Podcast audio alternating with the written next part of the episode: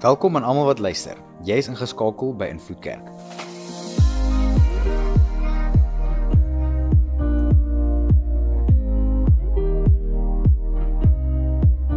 Vir die volgende paar minute gaan jy luister na een van ons boodskappe. Ons glo en vertrou saam met jou dat jy die Here sal beleef daar waar jy is. Geniet dit. En ons gaan eintlik aan met hierdie reeks van Paasfees. Nou ek het vanmôre gesê Paasfees is al 'n paar weke terug, maar hy dring daarop aan dat ons aanhou met hierdie reeks Paasfees. Maar ek wil eintlik aansluit by hierdie een een preek wat hy gedoen het so 2 weke terug rondom die kontrak. Waar hy gepraat het oor Jesus wat 'n kontrak met elkeen wat met elkeen van ons gesluit het. En hierdie ongelooflike nuwe kontrak het die voorreg vir elkeen van ons om iets te ontvang. Iets groot te ontvang. Die nuwe lewe. Maar ek moet eerlikwaar bieg dat die waarde van 'n kontrak is alles in die woorde.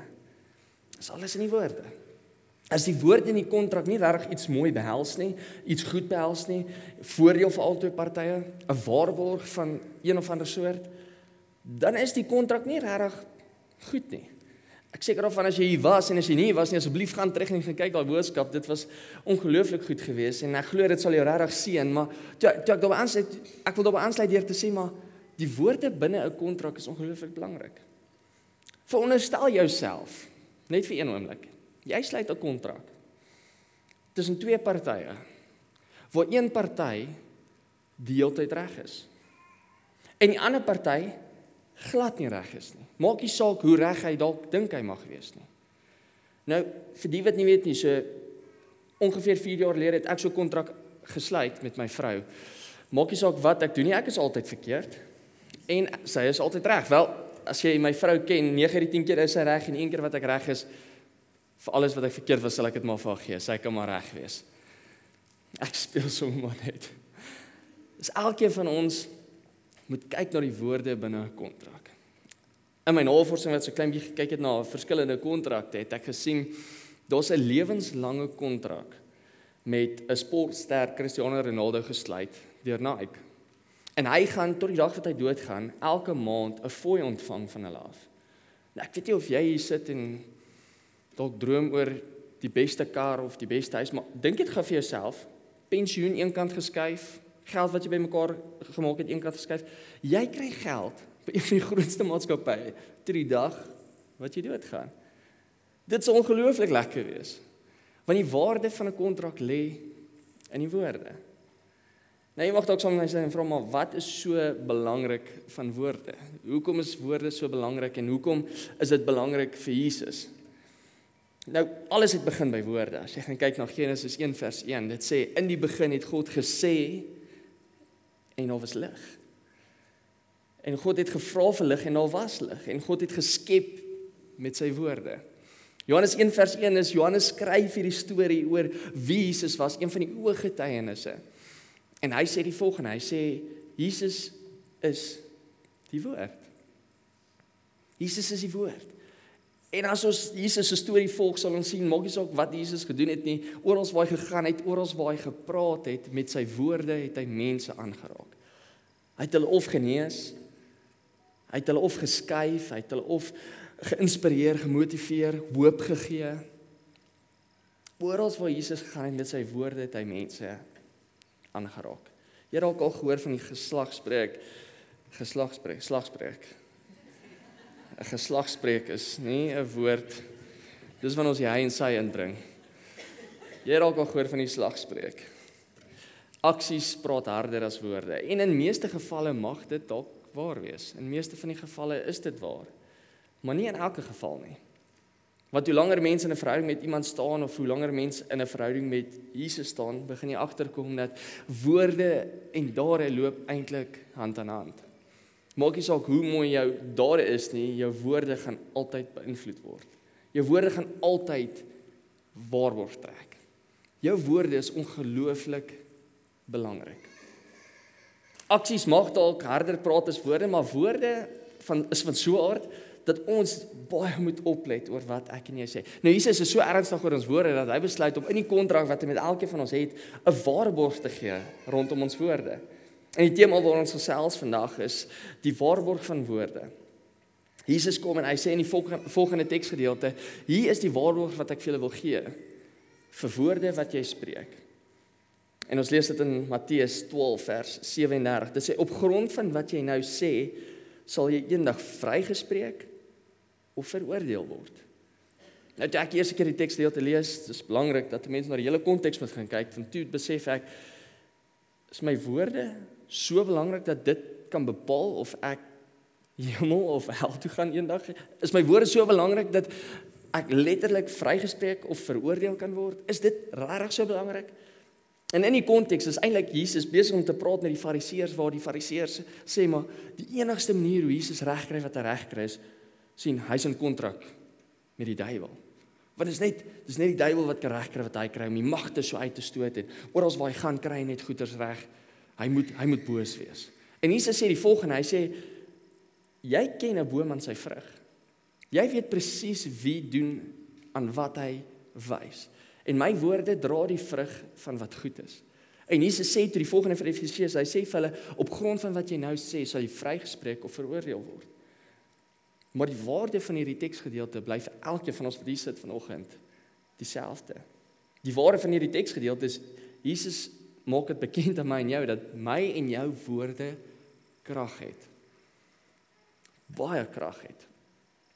En as jy dalk soos ek die vraag het, maar hoe baie krag het my en jou woorde?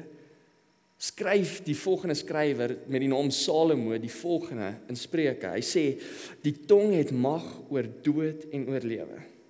Hulle wat lief is om te praat, moet saamleef met die gevolge van hulle woorde. Nou ek wil 'n oomblik vat in Vloedkerk om te bieg predikante oor die algeheel het die geneigtheid om te oordryf. En te sê maar hoe groot is dit? So groot. Ek weet ons het daai ons het daai geneigtheid. As 'n mens sê nee maar het jy gesien hoe daai ding beweeg het? Dit was nie vinnig nie, dit was baie vinnig. Ek weet ons het daai vermoë. Nou baie keer wanneer ek die Bybel lees dan dink ek, "Ha, ah, Salomo het ons hierso." ons woorde lewe en dood, kom maar. Jy oordryf so klein bietjie. Ek ken jou, ek ken jou tipe. Jy ek weet hoe jy maak.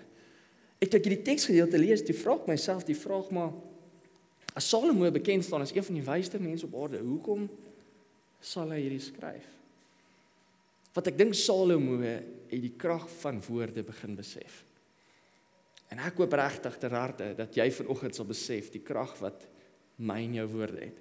Veral die feit dat ek en jy in 'n kontrak staan met die skepper van die heelal, die redder van die wêreld. En ek wil net vir 'n oomblik vat tyd vir ons om te reflekteer. Kom ons sê ons het 'n woorde audit vanoggend. Auditeurs, welkom dat julle weer by die werk kan wees op Sondagoggend. Kom ons vat 'n oomblik om te reflekteer. As jy 'n audit moet doen vanoggend op grond van die woorde wat jy spreek. Wat sal dit wees? van 'n skaal tot 1 tot 10 sal dit 1 wat nie baie positief is nie, nooit regtig goed nie, tot 10 wat baie goed is en altyd uitsien na iets. Waar sal jou woordeskat lê? Kom ons deel hom vinnig op in twee kategorieë. As jy moet dink aan jouself, die tipe mens wat jy is, is jy iemand wat opstaan en van die begin af sê maar ah, ek's moeg. 10 ure so slaap later, maar ek is moeg. Nee, hierdie gaan nie 'n goeie dag wees nie. Nee, ek is nie een van die mense wat hierdie veronderstel is om te doen. Ek sê 'n goeie mens nie. Ek kan nie doen wat ek moet doen nie. Ek is nie 'n goeie goeie kandidaat vir hierdie projek nie. Nee, ek sê 'n goeie man nie, nee, ek sê 'n goeie pa nie. Ai, ek wens dit ek kon verander. Of as jy iemand wat altyd lewe in 'n situasie en praat wat opstaan en miskien as jy dalk by 11 of 12 en jy praat ook bietjie te veel van jouself, maar miskien is jy dalk baie positief as dit kom by jouself. En 'n ander kategorie is dit kom by ander mense. Waar lê jy van skaal tot 1 tot 10? As jy iemand wat ongelooflik positief is oor die situasie rondom waar ons self bevind, is jy opgewonde oor jou huwelik? Is jy opgewonde oor jou kinders? Praat jy lewe rondom die skool waarin hulle is of is dit heeltyd afgebreekery? As mens kyk na die situasie waar ons osself bevind in ons land, is jy iemand wat die heeltyd kla of is jy iemand wat hoop bring? Is jy iemand wat uitsien na 'n toekoms vir almal van ons of is jy iemand wat negatief is en nie regtig 'n toekoms sien nie. En dan mag jy dalk net sê Jonathan, maar kom aan. Het jy gesien waar ons onsself bevind? Hoe kan daar enigiets positief wees rondom waar ons onsself bevind? As 'n mens gaan kyk na die gelowiges duisende jare terug en die situasie waarin hulle self bevind het, nadat Jesus uit die dood uit opgestaan het, vir hulle die beste nuus ooit gegee het, 'n kontrak om te sê maar as jy in my glo, sal jy die ewige lewe ontvang. As jy in my glo, sal jy hemel op aarde beleef soos nooit vantevore nie. Daai gelowiges was vervolg in daai selfde sien dis baie belangrik dat die goeie nuus wat ek en jy ontvang dat dit versprei sal word. Ons is nie die enigste mense wat onsself bevind in 'n situasie wat bietjie moeiliker is as die res van die wêreld nie. Slegte tye en moeilike omstandighede was daar nog altyd. Maar hoe lyk ons woorde in daai situasies? Is ons hoopbringers of is ons mense wat hopeloos is? Nou hoe maak mens? Hoe hoe, hoe kom ek dit saak hoe ek praat? Behalwe vir die feit dat daar ongelooflike krag in my en jou woorde is, hoe kom maak dit saak? Hoe kom maak dit saak dat die waarheid van woorde lewe of dood is? Jesus maak dit baie duidelik. Nie net het jou woorde krag nie, maar dit reflekteer wie jy regtig is. Die woorde wat jy gebruik is eintlik 'n weerspieëling van wat in jou hart aangaan. Jesus praat in Matteus 15 vers 17 tot tot 20 en hy sê die volgende: Begryp julle dan nie dat alles wat 'n mens met sy mond ingaan deur jou maag beweeg en dan uit die liggaam nie, maar slegte woorde kom uit 'n slegte hart en maak die persoon wat hulle uitspreek vuil. Wat uit die hart kom is slegte gedagtes soos om moord te pleeg, om ontrou te wees in huwelik, onsedelikheid te bedryf, te steel, leuns te vertel en mense te belaster. Dit is hierdie dinge wat jou onrein maak. Om met ongewaste hande te eet, sal jy nooit onrein en onaanvaarbaar voor God maak nie. Jesus praat oor hierdie beginsel terwyl die fariseërs hom aanspreek oor, "Nee, maar hoekom was die disippels nie hulle hande voordat hulle eet nie? Hoekom eet hulle eintlik maar net wat hulle wil?" Want daar was 'n klomp reëls gewees waar hierdie mense vasgevang was in die ou kontrak. staan Jesus met die nuwe kontrak en hy sê maar maar ek sê vir ons, daar's nuwe verbond, daar's daar's nuwe reëls. Maar julle julle is te gepla oor die godsdienstige goed. Julle is te veel gepla oor die goed wat nie nou saak maak nie. Wat nou saak maak sê Jesus is wat hier binne aangaan. En as mense gaan kyk na na die wetenskap en wat wat teorie sê rondom hoe ek en jy aan mekaar gesit is, is dit waar alles begin met ons woorde is wat in ons hart aangaan.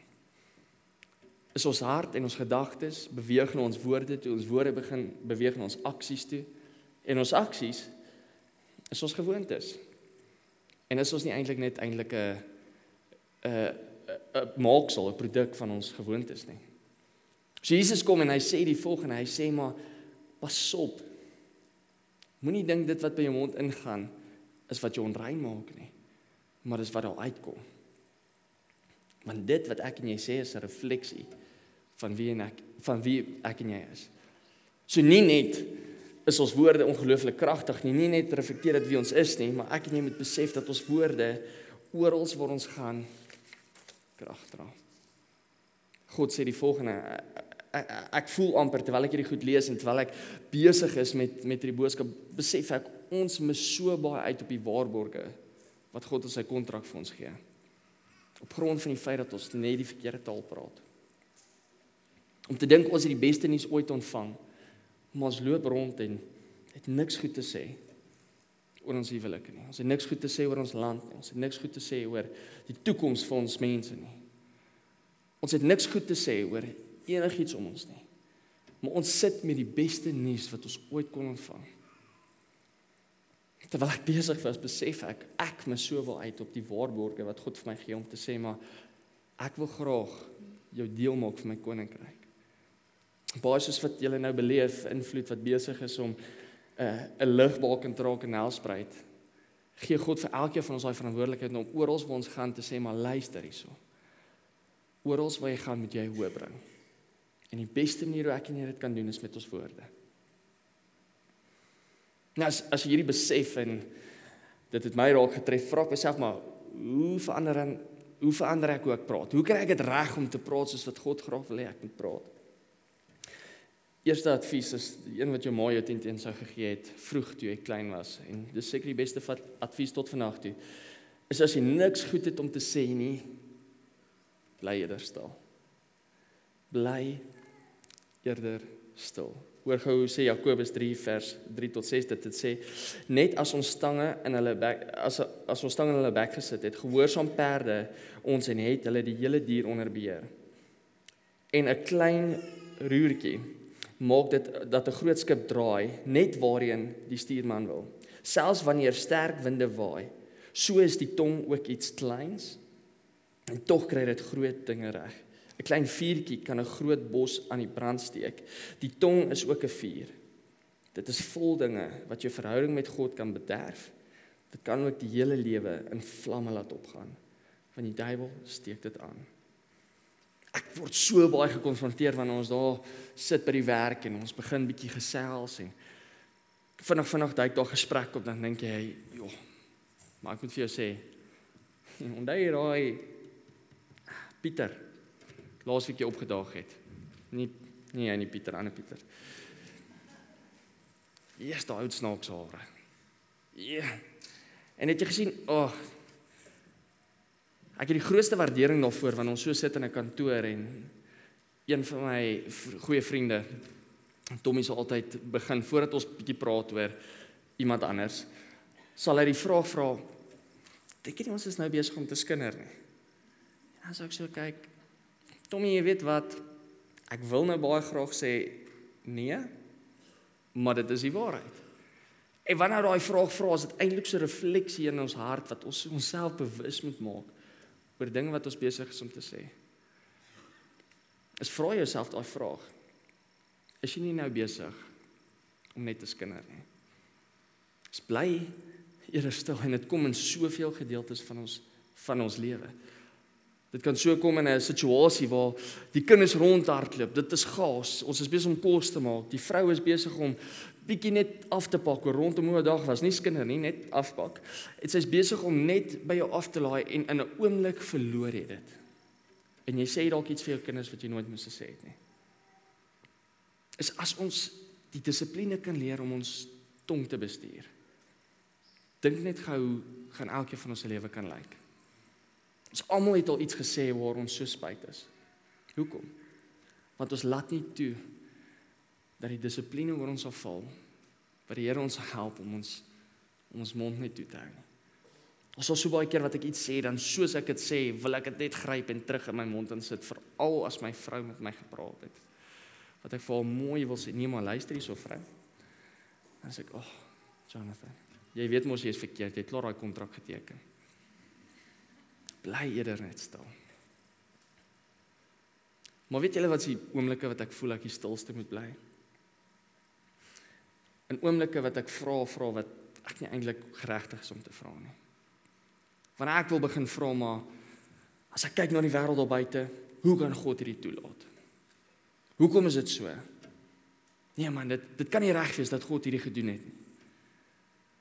Maar vat dit my terug na 'n oomblik toe wat ek gedeelte in die Bybel gelees het, maar Waar God vra maar maar Job, maar Jonathan, was jy daar? Toe ek die fondasie van die aarde gelê het. Vertrou jy my nie genoeg om te weet dat ek die beste beplan het vir elke liewe persoon al buite nie. Ek sal alles laat goed uitwerk vir die wat in my glo, sê Jesus. Partykeer moet ek net my mond hou.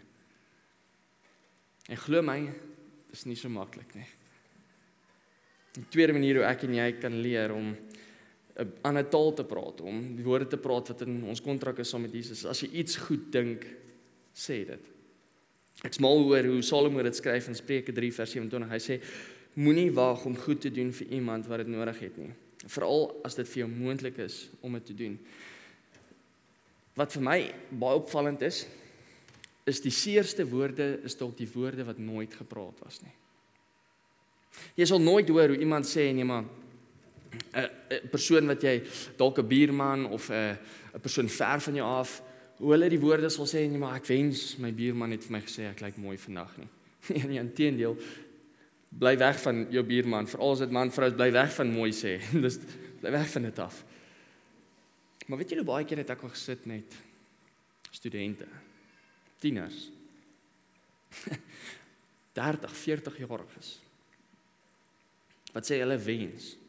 Hulle pa het gesê ek's lief vir jou. Wat wens hulle pa het gesê? Ek's trots op jou. Dis baie keer die woorde wat nie gesê is nie wat ons die seerste maak.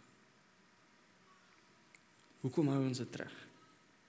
As ons weet ons woorde het die krag tussen lewe en dood. Hoekom is ek en jy nie iets ervaar en iets beleef wat lewe in 'n situasie kan inblaas? In daai oomblik standpunt sal inneem en sê maar hier is die woorde van die Here af. Ek vra myself daai vraag baie. Ek het vanoggend net terwyl ek op pad hiernatoe ry worstel ek, dink ek Yes, ek ek dink hierdie mooi gedagte. Tommy wat ook al hierso gepreek het saam met my, hy's min of meer my ouderdom, ek's ongelooflik lief vir hom. Terwyl ek hier na toe ry, dink ek by myself, "Jesus, ek hoop ek hoop Tommy preek lekker vanoggend daar daar by ons gemeente." Ek hoop hy hoop hy doen doen goed. Ek hoop hy doen dit wat die Here hom gevra het. Ek dink ek by myself, Jonathan, jy preek letterlik vanoggend en sê vir mense, sê iets goed as jy dit dink. Hoe op aarde ry jy na toe sonder om vir daai ou boodskap te stuur en te sê sterkte tot hom? koop regtig koop regtig Here gebruik jou vanoggend. En ek was so goed, ek seker konflik in my hart beleef. En hoe baie keer beleef ons daai konflik en ons voel ongemaklik wanneer jou kinders verby jou hardloop of jou ma of jou pa vir jou nog nooit gesê het hulle is lief vir jou nie. En dan hou ons terug en ons sê nooit daai woorde onsself nie. As jy iets goed beleef, as jy iets goed hoor, sê dit. Moet dit nie terughou nie is dis die Heilige Gees wat dit prikkel binne my en jou om woorde van lewe te spreek oor mense. En die mooiste gedeelte vir my is die krag van gebed. Is die krag van gebed help my en jou om die derde ding moontlik te maak. En dit is verander jou hart deur die taal wat jy praat. As jy gaan kyk na die sielkinders dan sê dit baie keer dat my ons woorde gevorm word in ons gedagtes en binne ons harte, ons emosies. Maar in my ervaring het ek ook al gesien wat die krag van woorde het om selfs dit wat van waarof dit kom te verander. Baie keer sal ek 'n gedagte dink en dink ek hou nie baie van jou nie. Hallo, jy lyk baie mooi vandag. En hoe dit dadelik iets in my hart begin verander rondom die krag wat woorde het oor ons harte. As Jesus sê daar's 'n waarborg tussen lewe en dood oor die woorde wat ek en jy spreek, moet ek en jy dit glo. Want Jesus maak dit baie duidelik dat wanneer ek en jy iets sê, dit selfs ons eie harte kan verander. En daarom is gebed een van die mooiste goed wat 'n mens kan ervaar. Is wanneer jy in die dissipline is om te bid, kan ek jou beloof dat jy in die dissipline is om woorde uit te spreek wat jou hart gaan verander. Want is in 'n tyd waar ons bid, waar die Here kom en hy raak jou aan. Hy begin jou hart verander. Dis deur die woorde in jou gebed waar hy kom en hy sê maar my kind, ek wil hê jy moet die groter prentjie raak sien. Ek weet ons is in hierdie ongelooflike kontrak, maar jy's nie besig om te praat oor die kontrak nie. Jy's besig om te praat oor die eie dinge. Dis in gebed waar die Here ons ons die minste selfsugtig maak. Dis in ons gebedslewe waar die Here ons die meeste kom aanraak. Dis wanneer ek en jy woorde spreek van lewe waar ons harte begin lewendig raak. 'n getuienis vir my eie wat aansluit by getuienis van een van my vriende is toe ek in graad 10 was, het ons hierdie mental coach gehad vir 'n rugby seisoen wat ons toe in 2014 en 2015 gehad het en wat sy doel was was om ons mental game te verbeter. En wat hy gedoen het is hy het gekom en hy het ons kom sien en baie keer dan hoe ons met hom interaktief was, hy het vir ons huiswerk gegee rondom wat ons moet gaan doen om te kyk of hy ons kan help verander hoe ek en hoe, hoe ons span gedink het rondom 'n seisoen en hoe dit lyk wanneer ons rugby speel.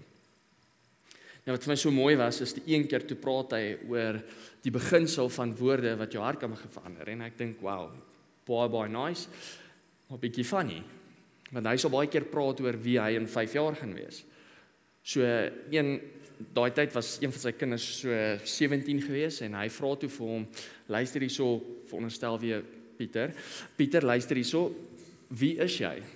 En Pieter haak daar af en hy sê luister hierso, my naam is Pieter en ek is 'n suksesvolle sakeman. Ek is getroud. Ek het twee kinders. Ek sê Pieter is jy's 17. En ek skrik toe 'n bietjie ek so 17 is klaar getroud en twee kinders. Ek weet nie of hierdie mooi heeltemal uitspeel soos wat dit moet nie. En sy pa het verduidelik toe vir ons wat hy baie keer sal doen is hy sal hy sal vir hulle huiswerk gee om te uit te spreek oor wie hulle oor 5 jaar gaan wees van nou af. En ek dink toe, okay, dis amazing. Dis baie interessant. En hy praat oor die begin so oor hoe ons ons gedagtes in lyn moet kry rondom dit wat ons glo die Here vir ons beplan het. Nou baie vinnig het ek my les geleer om te sê maar as jy vir 5 jaar lank het sê gaan 'n Ferrari ry. Jammer om julle te laat weet ek is hier met 'n Kiger. Renault. Nie 'n Ferrari nie. Is dit gaan nie soveel oor die materialistiese kant nie. Dit gaan baie meer oor die karakterkant. As ek het begin lewe inspreek in my eie lewe oor die tipe mens wat ek eendag wil wees. Baie kere as ek myself vind in 'n situasie en sou ek myself sê maar ek is 'n gedissiplineerde mens. Maar ek weet eintlik ek is nie. Ek sal sê maar ek is iemand wat eerlik is in elke situasie alhoewel my hart my bedrieg baie keer. Ek sal lewe spreek en sê maar ek is iemand wat altyd getrou sal bly. Ek is iemand wat altyd die beste soek vir my vrou en vir my familie. Ek's altyd iemand wat vrygewig sal lewe, maak nie saak wat nie. Want dit is 'n beginsel wat God binne my geplant het. En alhoewel hierdie baie karaktereienskappe is wat ek nie gehad het nie, hoe die Here besig is om my hart in hierdie te vorm. Want ek het besluit om lewe te spreek oor hierdie situasie. Nou nadat ek hierdie geleer het in graad 10, het ek snaaks genoeg een van my vriende toe ek 'n student was, het gebattle eenvoudig. Dit was 'n verskriklike tyd vir hom gewees hy het hy het regtig 'n gemoedstoestand gehad en depressie en dit was wild geweest. Dit was regtig regtig so rof geweest op 'n tyd dat hy amper besluit het om om sy eie lewe te neem. En ek besluit toe om 'n gesprek met hom te hê en probeer uitfigure maar ek weet glad nie wat om te doen nie. Ek het geen idee hoe ek hierdie ou gaan help nie. En ons sit toe net daarso en soos ek en hierdie ou praat begin ek vir hom sê maar luister hierso ek weet jy beplan om hierdie hele ding te doen. Ek weet jy's vir jou op pad uit, maar kan ons net vir 'n oomblik sit en nou kyk hoekom die wêreld jou dalk nodig het. En hy begin lag en hy sê die wêreld het my nie nodig nie. Ek sê vir hom maar kom ons vat dit 'n oomblik. Kom ons kyk of ons 100 goed kan skryf oor hoekom dit vir jou nodig is om hier te bly. En hy lag, hy sê 100 goed. Ek dink jy sê ek kan vir jou 4 noem nie. Ek sê vir my, maar kos begin het. Kos kos begin en ek kry so 'n geel papiertjie. Daar, ek weet nie eers hoekom het ek geel papiere nie, maar ek kry daai geel papiertjie uit en ons begin toe skryf, stadig maar seker nommer 1. Ek sê toe vir hom, noem maar een goeie ding van jouself. Hy sê nee, daar's niks goed nie. Ek sê vir hom, nee man, een goeie ding. Hy sê ek voel ek het 'n hart vir mense wat minder bevoordeel is. Ek sê, "Dis amazing." Ongelooflik, kom ons skryf dit neer. Hart vir barmhartigheid. Ek ek sê dis dis beautiful. 2. Hy sê ek dink ek snaaks. En ek begin lag. Ek sê, "Oké, okay, is jy snaaks?" Ek sê 3, kom aan, daar moet nog een wees. Hy sê ek dink ek lyk so Zac Efron. Ek sê vir hom jy snaaks, maar ek gaan nie dit skryf nie. En ons begin toe. En stadig maar seker begin dit makliker raak en hy begin meer woorde gee oor nee nie net as hy barmhartigheid maar maar hy's eintlik hy's regtig lief vir die Here. Nie net as hy lief vir die Here nie hy voel hy voel hy's 'n 'n dienaar vir die gemeenskap. Nie net as hy 'n dienaar nie hy's iemand hy's iemand wat positief is. Hy, hy voel hy, hy het iets om te bied vir die wêreld nee maar hy kan goed werk met sy hande en hy kan hy kan mense sit en hou daarvan om te luister. Mense tog sê hy hou daarvan om te luister en hy kan regtig goed luister na mense. En so begin ons aangaan en aangaan en aangaan En ons kom op 'n plek waar ons al 100 skryf. Nou ek kan beg ook, dit was een van my langste aande op universiteit. Nie die hardste geswat van die studente nie. So hierdie was seker my toets gewees wat ek moes geslaag het. En ons gaan deur daai hele lys. En jare later, nou onlangs, sien ek hom. Dis en ek opgewonde. Ek sê vir hom luister hierso, dis so lekker om jou te sien. Hy sê vir my, luister hierso, hy wil graag 'n koffie drink. Nou hierdie ou is in die Wesrand, ek's daar in die Valdriehoek. Dis ver. Ek sê vir my ek 100% kos drink 'n koffie. Ons kry mekaar iewers in die middel en ons kry mekaar by so 'n verskriklike koffiewinkel in Meyerton. Nou in Meyerton die feit dat daar 'n koffiewinkel is, is ek dankbaar. Daar is niks daar nie. Ons kry mekaar al by 'n koffiewinkeltjie. En ek kan sien hierdie persoon wat voor my staan, getroud. Hy vir hulle verwag 'n kleintjie, hierdie ongelooflike mooi mens. En ons hierdie sprankel in sy oë wat verseker nie daar was nie. En ek sit so en ek kyk vir hom en ek sê vir hom ek is so ongelooflik trots op jou dat jy hierdie woorde begin glo het. En hy haal hy papiertjie uit, vragtig, daai geel ou bladsytjie en hy sê vir my ek het dit nie nodig nie. Skryf op my hart. Hebreërs praat van dieselfde rondom ons kontrak wat ons het met God. Dit sê dit is nou die verbond wat ek hierna met die volk van Israel gaan sluit. Verklaar die Here Ek sal my opdragte inskryf in hulle harte en ek sal dit in hulle verstand graweer. As jy wil sien die waarborge wat God vir jou gee. As jy wil sien wat God vir jou beplan. Begin dit sê.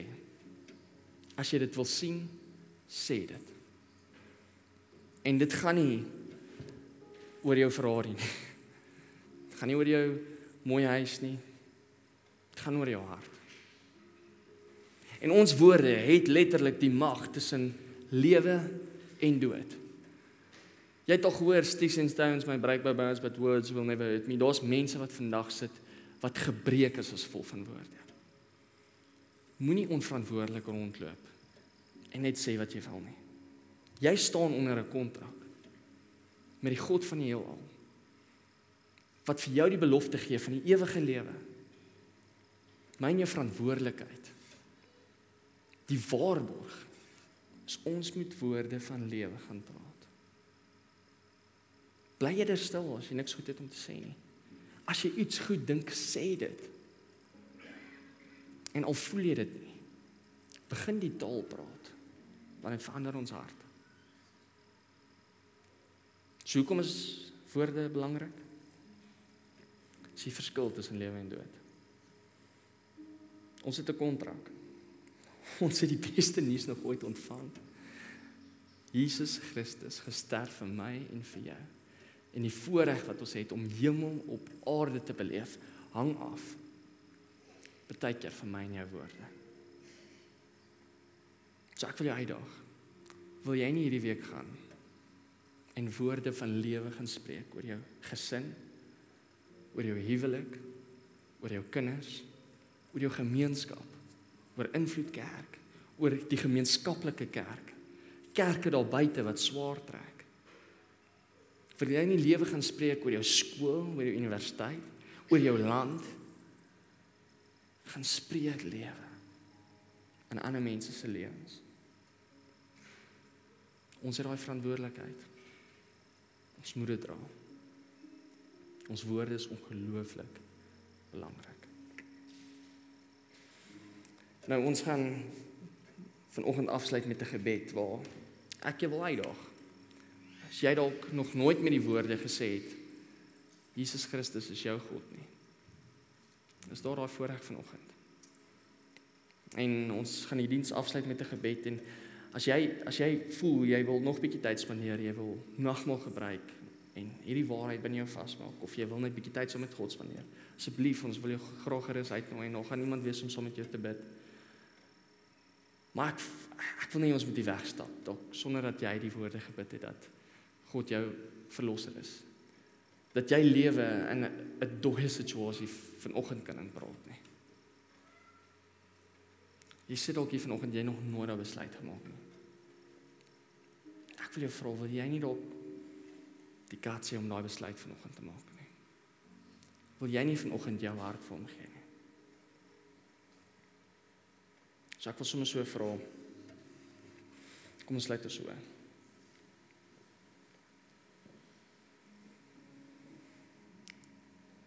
Here Ons is so jammer dat ons nie altyd besef die krag van ons woorde nie. Ons besef U het ons iets gegee wat letterlik die verskil tussen lewe en dood kan spreek. Here ons besef dat ons woorde ongelooflik baie krag dra. Here ons sien hoe U met woorde die wêreld in sy bestaan ingepraat het. Ons sien hoe U met woorde mense genees het, uit die dood uit opgewek het, hoe U mense bemoedig het, hoop ingepraat het en Here ek bid vanoggend dat ons sal besef dat ons woorde ook krag het. En ons kan ook lewe in 'n situasie en praat. Ons kan ook dood in 'n situasie en praat. Meer ek bid dat ons hierdie week sal vat. Dat ons sal besef wat ons verantwoordelikheid is en dat ons lewe en ons kinders en ons familie en ons skole en ons in ons land sal inpraat. Dat jy ons harte sal kom verander. Meer dan bid ek ook so vir mense wat dalk hier vanoggend sit wat nog nooit 'n besluit gemaak het nie, wat graag daai lewe wil inpraat in hulle situasie. En daarom gaan ek vra dat almal se oë nog gesluit sal wees.